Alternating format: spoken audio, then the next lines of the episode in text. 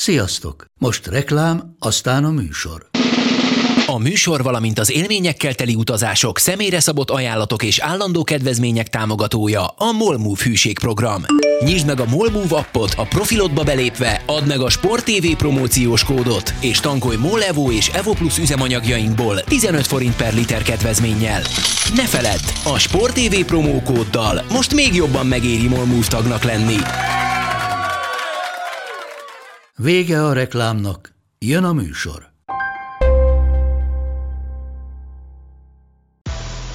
Nekik mindegy, hogy Győr vagy Fradi, Veszprém vagy Szeged, Bajnokok Ligája vagy EHF Kupa. Csúcskézilabda egy helyen, töményen, Ágai Kis András és Borsos Attila előadásában, a kézi vezérlésben, a Sport TV és a 24.hu közös podcastjában.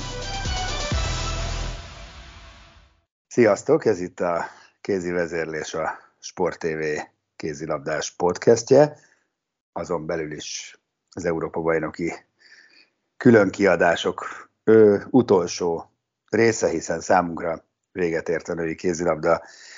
EB, 11-ek lettünk, ö, ennél rosszabb helyezés csak egyszer ért el hat évvel ezelőtt a magyar női válogatott Európa bajnokságon, akkor 12 lett. Viszont akármilyen paradox a helyzet, mosolygósan ért véget ez a kontinens torna számunkra, hiszen szerintem viszonylag meglepő módon megvertük a szlovénokat, és, és így mégiscsak más volt az akusztikája legalábbis a végén, vagy az ember szája íze egy picit az Európa-bajnokságnak. Természetesen az összképen ez, fú, nem is tudom, változtat ez az összképen? Kezdjük ezzel, szia! Hát én azt javaslom, hogy próbáljunk objektíven elemezni a látottakat. Az, az, az, az mindig jó. Mert tényleg az utolsó mérkőzésnek a mosolygása az, az érzelmileg egy, egy pozitív dolog volt, meg, meg olyan kicsit jobb érzéssel fejeztük be, tehát a, ha nagyon elmegyünk a, a, az emocionális dolgok felé, akkor lehet, hogy, hogy nem feltétlenül vagyunk igazságosak mindig, se pro, se kontra. Úgyhogy én azt javaslom, hogy, hogy induljunk ki abból, amit én itt végig böngésztem, a statisztikákat, mert az eléggé árulkodó, és talán rá is világít arra, hogy, hogy mi a probléma, és nehéz vele vitatkozni, se úgy, hogy, hogy optimisták vagyunk, se úgy, hogy pessimisták. A, ami szerintem a legesleg árulkodóbb statisztika, az az, hogy megnéztem a csapat szint. Azért érdemes most nézni a statisztikákat, mert most mindenkinek hat meccse van.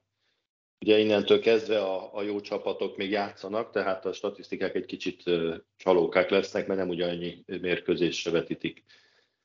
Tehát ami a legszembötlőbb az az, hogy csapat szinten a passzok száma az Európa-bajnokságon, a legtöbbet passzoló csapatok, három legtöbbet passzoló van,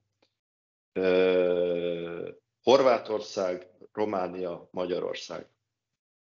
A, most leveszem az utolsó négyet, akik ugye kevesebb meccset játszottak. Az utolsó négy csapat, tehát a legkevesebbet passzolók, Dánia, Franciaország, Norvégia, Hollandia és Svédország egyelőre. Tehát ezt azt lehet mondani, hogy az az első 12-ből a három leggyengébb csapat passzol a legtöbbet, és a négy legjobb a legkevesebbet. Ami számomra azt mutatja, hogy a modern kézilabdában ö, nem az játsza a jó kézilabdát, aki sokat passzol, hanem aki ö, kevesebbet, ami pedig azt jelenti, hogy a, a, a pályát ö, gyorsan átjátszák, és kevesebb passzból alakítják ki a helyzeteket. Ebben nehéz vitatkozni, mert ez elég egyértelműen kimutatja, hogy a jó csapatoknak kevesebb a passza. És ez az, azt a szomorú következtetést vonom le ebből, hogy, hogy amit játszunk, az nem korszerű. Sőt, kifejezetten egy, egy olyan stílus, amivel nem lehet eredményt elérni, látható, hiszen a románok 12-ek lettek, mi 11-ek, a, a horvátok meg 10 és előtte egyébként még a spanyolok vannak, akik szintén gyengén végeztek. Na most, ami érdekes, és igazából ezt támasztja alá, hogy egyébként ott van egy olyan adat is, hogy a passzolási hatékonyság, tehát hogy ezt a sok paszt, 5000 nem tudom hány száz paszt, milyen százalékkal pontosan adták a játékosok, és ebben, ebben nagyon jók vagyunk. Tehát az első felébe vagyunk a rangsornak, 99% fölött passzolunk. Tehát nem lehet azt mondani, hogy sokat passzolunk, és elből a labdákat, és ezért nem vagyunk jók. Sokat passzolunk, és pontosan passzolunk, sőt, ha megnézzük a turnover, hát az eladott labdák ranglistáját, ott is kifejezetten jó helyen van a magyar csapat. Tehát nem adunk el sok labdát, nem, nem azért nem tudjuk megnyerni a meccseket, mert sokat hibázunk. Tehát ez, ez, ez egy tévhit ezek szerint, mert ugye abban gondolkodtunk, hogy hát jók vagyunk, csak hát hibázunk. Hát igazság szerint a passzokban legalábbis nem hibázunk, hanem sokat passzolunk pontosan, csak teljesen eredménytelenül, nem tudunk belőle gólhelyzetet kialakítani, mert ugyanakkor a, a harmadik statisztika, ami szerintem még itt megnézendő, az a kapura lövések száma és abból az elért gólok száma. Tehát ebben is, ebben teljesen az élvonalban vagyunk. Egyedül a svédek lőttek nálunk többet kapura, tehát sokat lövünk kapura, viszont a lövési hatékonyságunk a leggyengébb az élmezőnyben, 52 százalék azt Tehát összefoglalva sokat passzolunk, pontosan passzolunk, sokat lövünk, pontatlanul lövünk, és a pontatlan lövések nyilvánvalóan oda vezethetők vissza, hogy ebből a sok passzolásból nem tudunk olyan helyzeteket kialakítani, amivel jó szituációkból lőhetnénk. Tehát ez, ez azt hiszem, hogy egy elég egyértelmű lenyomata annak, hogy, hogy sajnos az a helyzet, hogy ami kézilabdát játszunk, különösen támadásban, az korszerűtlen. És picit becsapjuk magunkat, hogyha azt mondjuk, hogy egyébként jó játszunk, csak hát sokat hibázunk, mert nem hibázunk olyan nagyon sokat már az előkészítésben. Tehát nem lehet azt mondani, hogy hát csináljátok egy kicsit jobban azt, amit csinálunk, és akkor jók leszünk. Gyökeresen kell megváltoztatni a játék stratégiánkat, hogyha nem akarjuk azt mondani, hogy hát igen, a skandinávok ellen nem tudunk játszani. Hát tulajdonképpen a skandinávok, a szűkenvet skandinávokhoz hozzátartoznak ebben a tekintetben a németek, a, své- a hollandok, a franciák, tehát itt van 6-7 8 csapat, aki ezt a stílust játsza, és ha azok ellen ezek szerint nem lesz esélyünk, mert nem vagyunk elég gyorsak, akkor, akkor sose fogunk jó eredményt elérni. Tehát itt, itt azt a következtetést vonom le, hogy, hogy meg kell változtatnunk azt a játékot, amit szeretnénk játszani, és törik, ha szakad, fel kell gyorsítanunk a támadás szervezésünket, és a pályának az átjátszását különösen. Hallgatók, ezek a számok. A hallgatóik számok. most nem látják, mert ez nem egy videó podcast, hanem egy podcast, hogy én itt mosolygok, miközben hallgatlak, mert olyan maximálisan százszázalékosan egyetértek veled, és annyira, annyira azt igazolja, amit én erről az egészről gondolok. Te máshonnan közelítetted meg, de pont ugyanoda lyuk. Tehát ez tök jó, mint amikor szerintem két ilyen tudós kabá, bocsánat, most nem akarom magunkat tudósoknak csak titulálni, csak, csak ez jutott eszembe, teljesen máshonnan indul, vagy két matematikus, és a végén mégiscsak ugyanazt az eredményt kapja. Szóval pontosan ugyanez a, az én meglátásom, és akkor azért én is alá támasztom egy pár számmal, mert azért én is böngészkedtem, én egészen máshol böngészgettem, és, és nagyjából ugyanerre utaló jelet találtam. Érdekes módon most először hangzik el érintettek szájából ilyen nagyon egyértelműen, direkt módon, hogy a skandináv csapatok előttünk járnak. Bár ezt ugye eddig is tudtuk, de azért nem volt kimondva, és, de úgy hangzik el, mintha ez egy ilyen újdonság lenne, hogy na hát most ez úgy láttuk, hogy most előttünk járnak. Na, én megnéztem, hogy az elmúlt hét évben, mert én nagyjából 2015-re teszem azt, amikor itt elindult egy ilyen leszálló ág, tétmeccseken, világversenyen milyen számokat tudunk a skandinávok ellen mutatni. Na, mondok, mond, 13 meccset játszottunk a norvégokkal, a dánokkal és a svédekkel. Mondd, hogy szerinted mi az arány? Hát 15-ben egyszer megvettük a dánokat, ha emlékszem. Nem, várjál, tét A VB. Tét, a VB. 15-ben a VB? A 15, igen, a Dán VB szerintem a 15-ös volt. Azt mindjárt, de és ott, ott megvettük a dánokat. Az az utolsó, hogy tettünk, azóta nem emlékszem, hogy A svédeket talán egy előkészületi meccsen megvertük. De most nem előkészületi meccsekről hanem, igen, meccsen, hanem, hanem világversenyek, is, igen. világversenyek tétmeccseiről ö, beszélünk. Ö, na, kíváncsi vagyok a tippedre. Mert az 12, tehát, tehát 13 meccset játszottunk az én ö, számításaim szerint. Ö, tehát 13 mérkőzésből elvesztettünk 12-t, és megnyertünk egyet. Az, de majd mindjárt lecsekkolom, amit mondtál, én ezt nem, nem látom. Hát az biztos, hogy az olimpián megvettük. Ha így van, így van, az az, így van. És így szerintem van, a 15-ös VB Így van, az az, az De a kettő között nem. Az az, az az egyetlen. amiről azért arról a meccsről ugye van mondani valónk, bár ez ugye természetesen egy győzelmet nem kell e, egyébként megmagyarázni, de... Várjál, a... arról a meccsről a mondani való, az, az alátámasztja azt, amiről beszéltünk. Ugye ott megvertük a, a svédeket, egy olyan meccsen, ahol nekik nem volt Ezt akartam mondani. tétjük. Na de várjál, de az azt mutatja, hogy nem volt tétjük, tehát ők nem diktálták azt a tempót, amit szoktak, hanem megpróbáltak kényelmesen lehető keves, legkevesebb energiával játszani, és akkor meg tudtuk őket verni, mert egyébként nem tudnak jobban kézilabdázni, összességében állunk, tehát úgy félvára nem tudnak minket megverni, de ahogy diktálják a ritmust, már nem tudunk ellenük nyerni. Hát Tehát, a, egészen kiválóan ö, egyértelmű volt abból, amit, amit ö, felsoroltál a passzok száma. Szerintem az, az, az teljes leképezése ö, ennek, amit, amit mondasz.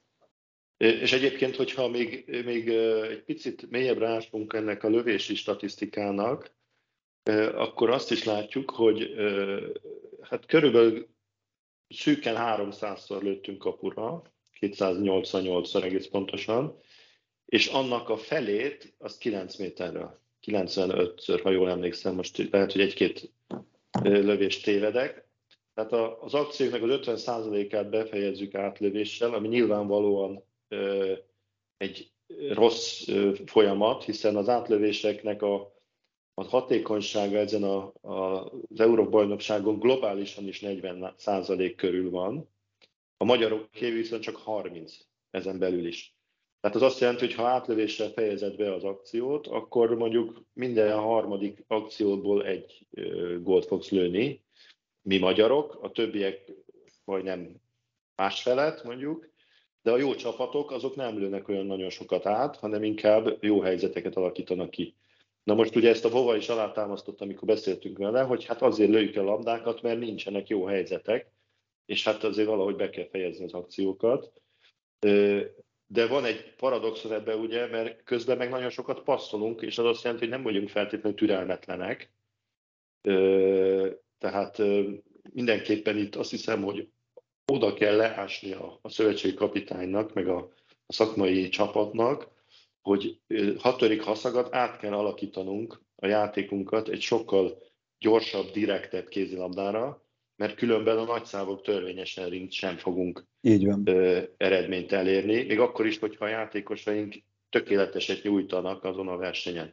Amiről ugye itt azért szó se volt, hiszen most a, a skandinávok elleni vereségeket félretejtjük, azért a, ennek a, az LB-nek a legszomorúbb pillanata az a a horvát meccs volt, meg a, a svájcit is ide veszem, de a horvát meccs az, az egyszerűen az, az elfogadhatatlan, és ha már önmagában csak a horvát meccsről beszélek, akkor már ez egy, ez egy kudarcos Európa-bajnokság.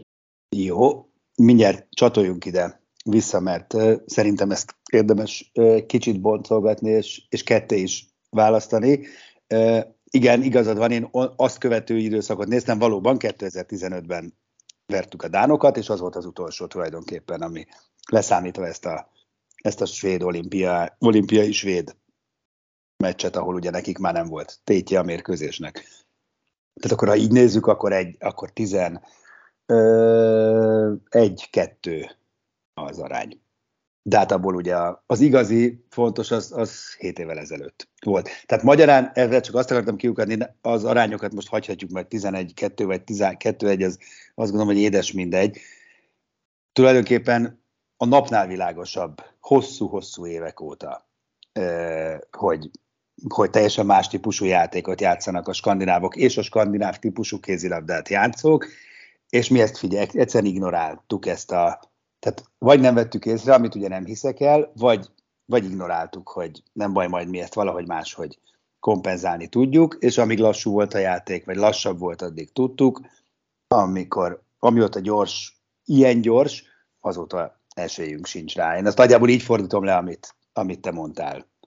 De, Igen, hát ez, ezzel, ezzel nehéz vitatkozni, hogy, hogy a mai kézilabda egy, egy magasabb tempót diktáló csapatoknak kedvez, illetve azoknak, akik azoknak a csapatoknak, amelyek gyorsan alakítják ki a helyzetüket, nem feltétlenül sok paszból. Igen. Tehát ez egy stílus kérdés, nyilván. Hát igen, csak az akkor bennem ugye, és akkor most jön a laikus kérdés a szakemberhez, hogy mondjam, stílus kérdése az, hogy mondjuk én zöld kabátot hordok, vagy pirosat, holnap lemegyek a boltba, és veszek piros kabátot, mert rájöttem, hogy a zöld az kiment a divatból.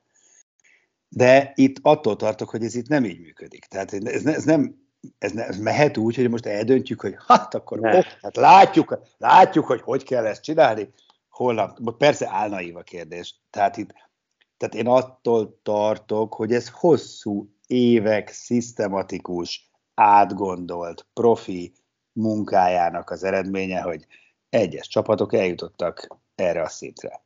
Nagyon félő az, hogy, hogy nekünk is ezt nem fogjuk tudni olcsóban megosztni. Igen, hát ez, ez biztos, hogy nem az egyik pillanatról a másikra megy, csak az egyik pillanatról a másikra az már tíz éve tart. Hát, hát azért ez, ez egy, egy folyamat, amit, amit nem tudunk követni, és őszintén szólva nem, nem tudom, hogy az, az edzőink, vagy a, a szakmai elitje a magyar kézilabdának, hogy is mondjam, csak mindent megtesz azért, hogy ez ne így legyen. Tehát, hogy van-e egy olyan, egy olyan szakmai irányvonal, ahol ezt a, a, a nagy ö, tudású edzők, meg szakmai irányítása a magyar kézilabdának tudatosította a, az edzőkben, a játékosokban, a csapatokban, és ehhez valamilyen olyan módszertant az, amivel a játékosoknak át lehet alakítani, vagy a csapatoknak a, a játékát. Bocsánat, kimondtad a lényeget, ez most, és ez most nem beleszólás, mert megint nagyon figyelek, hogy ne szóljak vele, hanem pont, hanem hogy ne, ne, és akkor ott azért ragadjunk le, amit mondtál, hogy, hogy azt mondod, hogy ez a folyamat tíz éve tart. De szerintem nem, értem, hogy mire gondolsz, de pont, hogy nem tart tíz éve. Még nem szembesültünk ezzel, még nem ültek le a magyar edzők, meg a magyar kézzelabda irányító, és nem mondták ezt így ki, hogy igen, korszerűtlen. Mindig azzal védekezünk, fiatal a csapatunk, kimaradt egy generáció, tehát van 14 érv, 15-ként jó, ez is elhangzik, hogy ők gyorsabbak, holott az az egésznek az alapja. Én nem emlékszem rá, hogy ez így valaha is megtörtént volna ez a szembenézés ezzel a helyzettel, hogy igen, nem tudom egyszerűen találóban megfogalmazni, hogy te tetted, korszerűtlen a játékunk. Korszerűtlen játékkal nem lehet eredmény. Igen, és az a ö, nagy kérdés, hogy, hogy ö, a, a szakmai vezetése a, a kézlabdának, most az edzőket ideértem meg a, azokat, akik a játékosokat fölkészítik, illetve akik az edzőket fölkészítik, hogy képesek legyenek arra, hogy ezt a típusú játékot a, a, a játékosokkal megtanítsák, vagy megköveteljék. Ők, ők igazán tisztában vannak ebben a, a problémával. Mert ugye oda szoktunk vissza kanyarodni, mert az a legegyszerűbb, hogy azt mondjuk, hogy hát igen, azok nagyobbak, meg erősebbek, meg testsúly kilogramm, meg etc. Holott, ha megnézzük a játékosaink testsúly kilogramm adatait, akkor például semmilyen hátrányban nem vagyunk papíron, svédekkel szemben sem, akikről ugye azt mondta a Vova, hogy hát hú, mekkora nagyok és erősek mind. Hát ha megnézed a centiméter kilogramm arányokat a játékosainknál, összességében egyáltalán vagyunk hátrányba. És akkor ilyenkor szokták mondani, hogy magasabb, erősebb játékosok kellenek. De nem kellenek feltétlenül magasabb, erősebbek, mert a norvégoknál sincsenek magas, erősek, sőt a franciáknál is szinte alig van 180 körüli játékos, tehát a 175 és 180 közötti 70 kg körüli játékosok, azok, azok teljesen megfelelnek, már pedig a mieink is nagyjából ott vannak, van egy pár nagyobb, van egy-két kisebb, de egyébként alacsony játékosokat is elbírnak a csapatok, azt is nagyon jól látjuk, hiszen vannak Oftedálok, Mörkök, Enzeminkok, Jamina Robertsek, akik nem félelmetesen nagy darab emberek. Tehát nem, nem, a, nem feltétlenül oda kell vissza kiukadnunk, hogy na akkor most magasabbakat fogunk kiválasztani, vagy alacsonyabbakat fogunk kiválasztani. Nem, olyanokat kell kiválasztani, akik képesek sokáig gyorsan futni, és képesek a, futás teljesítményük mellett ütközésekre is, és nem fáradnak el benne, hogyha ötször meg kell fogni valakit. Mert a mi játékosainknak, amikor a kondicionális problémáit nézzük, akkor alapvetően azt látjuk, hogy abban fáradnak el, hogy futni is kell, meg ütközni is. És sajnos a kézilabda ez egy ilyen játék. Mind támadásban, mind védekezésben mondom az ütközéseket. Tehát, hogy megfognak, megint oda kell menni, megint oda kell menni, vagy védekezel, megfogod, megfogod, megfogod. Mert egyébként, a, ha a statisztikákhoz visszakanyarodunk, például a futás mennyiségben a magyar csapat szintén élen van. Tehát nem futunk kevesebbet, mint a többi csapat. Sőt, a, a futás gyorsaságban sincsenek olyan lemaradásaink, hogy, hogy szembeötlő lenne. Nem vagyunk a leggyorsabbak között, de azért ö, vannak gyors játékosaink. Tehát itt, itt azt, a, azt a melanzsot, hogy úgy mondjam, kéne megtalálni, hogy a gyorsan ö, futó játékosaink, ö, sokat futó játékosaink képesek legyenek a mérkőzés egészen alatt a kézilabda specifikus kondíciót is, is megmutatni a pályán. Igen. Mert azért ez, ez, ez tényleg elszomorító, amikor a svéd edző azt mondja, hogy hát meccs után, hogy hát fél időben meg voltunk repődve, hogy a magyarok milyen jól bírták. Az első fél időt. Aztán utána már nem voltak meglepődve, hogy a másodikat nem bírtuk. Tehát ez a háromnapos szünet után, úgyhogy ők meg előző nap játszottak a, a norvégokkal. Tehát itt, itt eh, ahhoz, hogy a gyors játék, a direkt játék menjen, ahhoz biztos, hogy kell egy olyan fajta kondíciót építeni a játékosoknak, amelyek, amely alkalmas arra, hogy hosszú ideig ö, ö, gyorsan tudjanak játszani, és ebbe ne hibázzanak túl sokat bele, mert ugye a hétköznapokban ez úgy néz ki, amikor kéri egy edző a csapatától, hogy játszon egy gyors, direkt kézilabdát, akkor elszórnak egy rakás labdát, mert, mert túl gyorsan játszanak ahhoz képest, amit bírnak technikailag, és akkor inkább azt mondja az edző, meg a játékos is, hogy jó, álljunk egy kicsit meg, mert annak nincs értelme, hogy állandóan kidobáljuk a labdáknak. Tehát ez, ez nem ilyen egyszerű, hogy most akkor futunk. Igen. E, Oké, okay, amit te vázolsz, az teljesen egyértelműen a szakmai elmélet. Kérdezlek a gyakorlatról, mert ennek ugye az egésznek csak akkor van értelme meg létjogosultsága, ha ez gyakorlatban megvalósítható.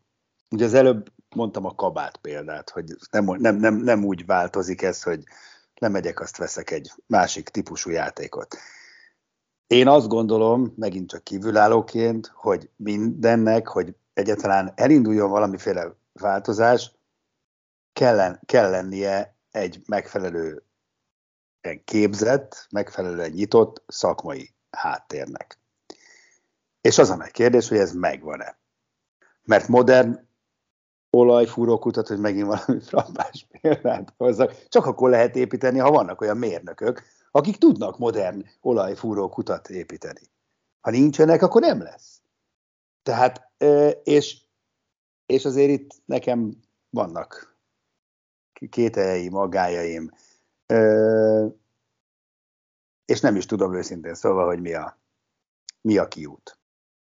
Az igazság, hogy én nem ismerem a magyar edzőképzést, nem vettem benne részt, tehát nincsen direkt információm arról, hogy hogyan képzik az edzőket, mire helyezik a hangsúlyt. Amiket hallok innen-onnan, azok nem feltétlenül biztatóak mindig. Tehát, hogy, hogy megvan-e az a szakmai háttér, valószínűleg nincs meg, mert ha meg lenne, akkor, akkor ennél közelebb lennénk a világ élmezőnyéhez. És egyébként ugye ez általános probléma, mert az a fiúknál is felelhető ez a fajta gond. Ugye ott, ott amikor az izlandiaktól meg a hollandoktól kikapunk, akkor azt mondjuk, hogy mi túl nagy arabok vagyunk, ők túl gyorsak és kicsik. Most fordítva a lányoknál, de valahogy nem vagyunk benne abba a kritériumrendszerben, amiben a legjobb csapatok. Tehát biztos, hogy érdemes, nem érdemes lenne, ott kellene kezdeni, hogy ez, ebben valóban végignézni, hogy ezek a folyamatok honnan indulnak, az adott mérföldköveknél kik a felelősei, kik csinálják meg, kik nem csinálják meg. Ugye amikor azt halljuk, hogy volt egy átvilágítás a Magyar Kézlabda Szövetségbe, gondolom, hogy ezeket is átvilágították, vagy át kellett volna világítani. De hogyha erről semmilyen információ nincs, akkor, akkor nem tudom, hogy hogy, lesz, hogy fog változni, mert euh, még nem nagyon találkoztam olyan emberrel a szakmába, aki nem feltétlen van a, a mondjuk a szövetségnek a, a legfőbb vezetése körében, aki el tudta volna mondani, hogy hát mi volt ennek az eredménye, és mit kéne javítani. Mert azt mondani, hogy, hogy majd sportpszichológusokat sokkal többet kell alkalmazni, ez, ez megint egy, egy tévút, kell egyébként, szükség van rá, de ezt a problémát, amiről most beszéltünk, azt nem fogja megoldani. Azt megoldja, remélhetőleg, hogy legalább a horvátoktól ne kapjunk ki. Mert ugye a, rossz eredményeinknek az egyik ö, ö, magyarázata az az, amiről beszéltünk, hogy a gyors, dinamikus csapatok ellen kevés esélyünk. Csak az a baj, hogy ezek mellett még vannak azok, akik nem gyorsak, nem dinamikusak, viszont kemények, erőszakosak és harcosak, mint a horvátok, meg a montenegróiak például, vagy a spanyolok. De ez, ez a stílus meg nem fekszik nekünk. Tehát akkor azért nehéz olyan csapat sok, sok olyan csapatot találni, akik, akik fekszenek. Nekünk, úgy, vagy úgy tűnik a szlovénok azok igen, de minden esetre azt hiszem, hogy, hogy a sportpszichológusok abba tudnak segíteni, hogy ezeket a horvát típusú meccseket jobb fejjel támadják meg a lányok, de abba azért nem fognak tudni segíteni, hogy a, a 45. perctől képesek legyünk még azon a ritmuson játszani, ahol a legjobb csapatok. Tehát itt, itt sok, sok problémát párhuzamosan kell kezelni, és, és ki kéne tenni az asztalra, és meghatározni együtt mindenkinek, aki részt vesz benne, hogy hogyan lehet rajta változtatni. Igen. Nem, nem, nem tudok ehhez érdemben mit hozzá fűzni, mert, mert tényleg pontosan ugyanezt gondolom a sportpszichológus kérdése szerintem még egy picit bonyolultabb is, mert, mert, mert ehhez hozzátartozik az egész magyar közeg, amiben ezek a játékosok élnek. Számomra az volt a legszembetűnőbb, és tényleg, tényleg azért örültem nagyon a végén, mert, mert, mert akármilyen furcsa hangzik, tényleg ezek a játékosok oda tették magukat, amennyire az adott pillanatban tőlük ez telhető volt. Mindent megtettek az elején, nem csak szakmai okok miatt, szerintem legalábbis, hogy láttam, nem ment, főleg ugye a Svájc, hanem ott még, ott még az otthonról hozott görcsök és, és beidegződések, automatizmusok működtették őket, és ahogy mentünk bele ebbe az egész világversenybe, és ahogy a kohézió ereje, az új szemlélet, a friss irány, minden ugye együtt elkezdett hatni, meg persze a tét is lekerült, erről sokat beszéltünk, tényleg szemmel látható volt, hogy, hogy ezek nyílnak ki ezek az emberek, ezek a játékosok, fogányabbak, bátrabbak, harcosabbak, stb. stb. De hát holnap visszamennek oda, ahonnan jöttek. És ott töltik az egész évet. Ugyanabban a közegben minden változatlan lesz. Tehát, hogyha három havonta lenne egy ilyen Európa bajnokság vagy VB, ahol két hétig uh, uh, uh, uh, és ez, ez, ez beivódna szépen a zsigerekbe, akkor én látnék erre esélyt, hogy mentálisan előre tudunk lépni. Én attól félek, hogy attól, mert Juliska néni leül velük beszélgetni, és okosakat mond, meg kétségkívül okosakat fog mondani, az nem lesz jelentős hatású. Bár a semminél nyilván több, mert eddig nem ült le. Igen, tehát szerintem azt azért érdemes azon is elgondolkozni, hogy a 12-ek lettek a románok, 11-ek a magyarok. Ebből a két csapatból játszik talán a legtöbb játékos a saját bajnokságában. Uh-huh. Így van. Hát román, román játékos, aki külföldön van, nem nagyon tudok, meg magyarról sem. Egyébként nem rossz bajnokságok, főleg a román, a, a, a, tehát a, de a magyar is sokat gyengül, de azért nem gyenge színvonal. Tehát ez azt mutatja, hogy a saját országodban belekerülsz abba a kényelmi zónába, amiből nehezen lépsz ki. Uh-huh. És, és még a Dánoknál is egy csomó azért külföldön játszik egyszer-kétszer, egy-két évet itt-ott, amott. Úgy, hogy a Dán bajnokság azért mindig is egy, egy professzionálisabb közeg volt, mint a, a magyar vagy a román. De a legjobb csapatokat, ha megnézzük, a norvégokat, a franciákat, a hollandokat, azért főleg ez a, ezek a csapatok, nagyon sok játékosuk külföldön játszik. Nem feltétlenül az egész karrierjét, néha hazamennek, aztán megint elmennek, de megvan bennük az a tapasztalat, meg az a követelményrendszer, amit, amit egy, egy külföldi légióskodás jelent, és azt a válogatottban feltétlenül jól tudják hasznosítani, ez, ez elég egyértelmű. Úgyhogy, és, és nem azon múlik feltétlenül, hogy az a bajnokság az mennyire erős, ahova mennek, hanem egyszerűen az a tény, hogy kikerülsz abból a közegből, ahol neked megterített asztalod van. Tehát ebből a szempontból mindegy, hogy most Norvégiába mennének játszani, Dániába, Franciaországba vagy Romániába, mármint a magyar játékosok, de mindenképpen arra lenne szükség, hogy, hogy megszerezzék ezt a, ezt a tapasztalatot, és avval gazdagítsák a, a válogatottnak is a, a mentalitását, mert hát, mert mondom, itt az élő példákon ezt látjuk. A franciák nem azért mennek el feltétlenül Franciaországba, mert nem szeretnek Franciaországba lenni. Nyilván a pénz motiválja őket, de azért azt látjuk, hogy elmennek Romániába is akár, vagy Magyarországra, vagy, vagy Skopjéba, és utána a válogatottban ezt, ezt ebben gazdagítani tudják az egyébként is jó alapjaikat. Te figyelj ide, Ati, nem lesz ez így jó. Én nagyon szerettem a parázsligáinkat. De most nincs. Hát. Na, hát igen, ilyen is, ilyen is van, és... Még, még várjál, még igen, egy, mond, egy, igen. egy adalékot hozzá kell tennünk, az, igen. ami még a, ha már a statisztikákat itt végig beszéltük, az ugye a kapusainknak a kritikán aluli teljesítménye ami szintén elgondolkodtató több szempontból. Egyrészt nyilvánvalóan a védekezésünknek a minőségét jelzi, és a, a, védek, a védekezésünk minősége szintén egy olyan szakmai kérdés, ami, amivel kellene foglalkozni, hogy, hogy miért van az, hogy például a, a sáncolási ranglistán tök utolsók vagyunk. Tehát mi sáncoljuk a legkevesebb lövést az egész mezőnyben, és az egyébként kiváló kapisaink pedig nem tudnak labdát fogni, aminek nyilvánvaló az az oka egyrészt, hogy, hogy a védekezéssel való együttműködésük rosszabb. A másik okát én abban látom, hogy, hogy lelkileg nem voltak jól fölkészítve az Európa-bajnokságra, és azt pedig szerintem a három kapus szerepeltetése nem segítette elő, hogy, igen, hát önbizalmuk meglegyen. Erről már, de, de az, az biztos a kézilabda nem egy komplikált játék abból a szempontból, hogyha a kapusod 40%-osan véd, akkor sokkal több meccset fogsz nyerni, mint a 20%-osan. Igen, ide azért, azért, azért, azért, Bocs.